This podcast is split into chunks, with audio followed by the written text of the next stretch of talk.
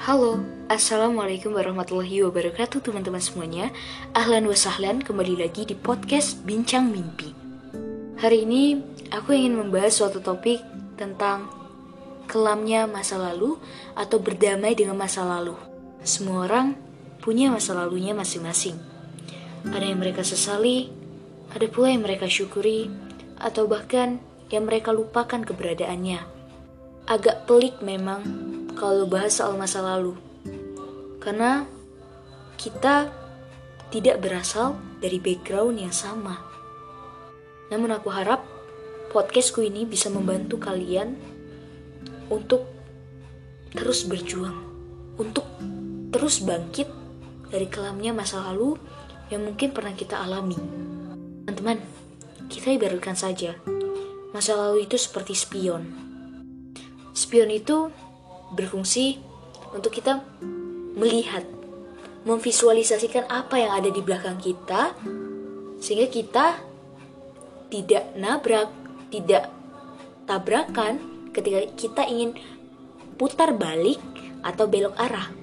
Jadi, apabila kita ibaratkan spion adalah masa lalu kita, ketika kita ingin kembali lagi ke masa lalu, kita bisa merefleksikan dari spion itu bahwa masa lalu kita dulu tuh seperti ini dan seperti itu sehingga kita tercegah dari ingin kembali lagi ke masa lalu.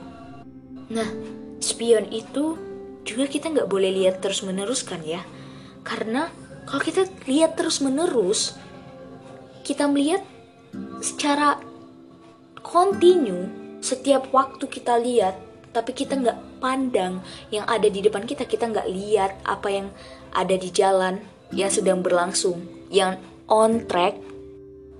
Maka yang ada di depan kita pun jadi berantakan.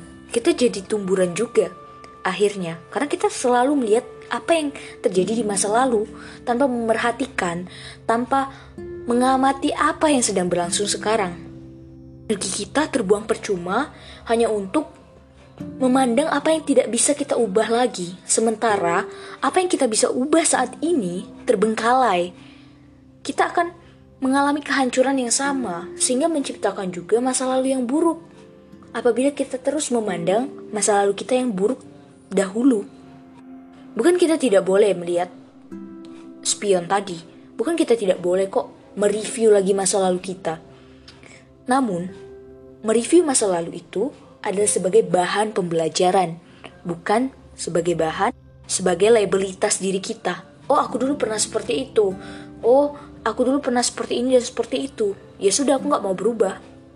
Ada dapat dikatakan kita sudah melabeli diri kita sendiri dengan suatu upaya penyalahan.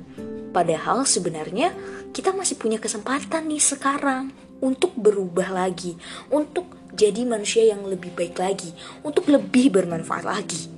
Coba kita pikirkan, kalau kita nggak mau berubah, kalau kita seperti ini terus, kelak saat ini kita akan menciptakan masa lalu di kemudian hari kan? Maka dari itu, nanti di kemudian hari kita pun menyesal dengan apa yang kita lakukan sekarang. Yuk teman-teman, coba kita renungi lagi. Kalau kita terus-terusan berjelimet gitu ya, berkeluh kesah tentang masalah kita yang buruk tanpa mau ngambil pelajaran, maka kita akan stay in our position last ever. Rest assured selamanya, forever, forever. Dan kita stuck pada tolak ukur yang sebenarnya bukan diri kita. Kita masih bisa kok bangkit, berjuang lagi, perbaiki lagi, revisi lagi, merevisi lagi diri ini bagaimana. Kita harus berani bangkit teman-teman. Karena kalau kita tidak bangkit, kita akan terkalahkan oleh diri kita sendiri.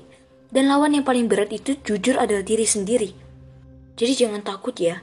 Kalau teman-teman ada niatan berubah, ada niatan pengen lebih baik lagi, yakin teman-teman pasti bisa. Allah pengen kehidupan kita itu baik. Allah pengen banget hamba-hambanya itu semuanya menjadi orang yang lebih baik lagi. Setiap harinya lebih taat lagi. Tapi Allah nggak butuh kita. Kita sebagai manusia ingin terus continue terus nih atau continue menjadi kehidupan kita lebih baik terus nge-improve nge-develop ourself our soul Kita ingin hebat secara mentalitas, spiritualitas, financial, education, dan semuanya. Kita pengen itu kan. Maka dari itu, tidak bisa didapatkan semua keinginan kita itu hanya dengan berdiam, bertapa dengan masa lalu, merenungi, menangis. Enggak. Harus ambil aksi sekarang juga. Karena kalau enggak, kita akan menciptakan masa lalu sekarang ini ada sebuah keburukan, kehancuran yang nyata. Karena waktu kita singkat. Jadikan kegagalanmu, jadikan masa lalumu sebagai pembelajaran, bukan sebagai tolak ukur. Oke, barakallahu fiq, semangat teman-teman. Ini tahun 2021 kita bisa lebih baik lagi insyaallah biiznillah. Barakallahu fiq. Wassalamualaikum warahmatullahi wabarakatuh.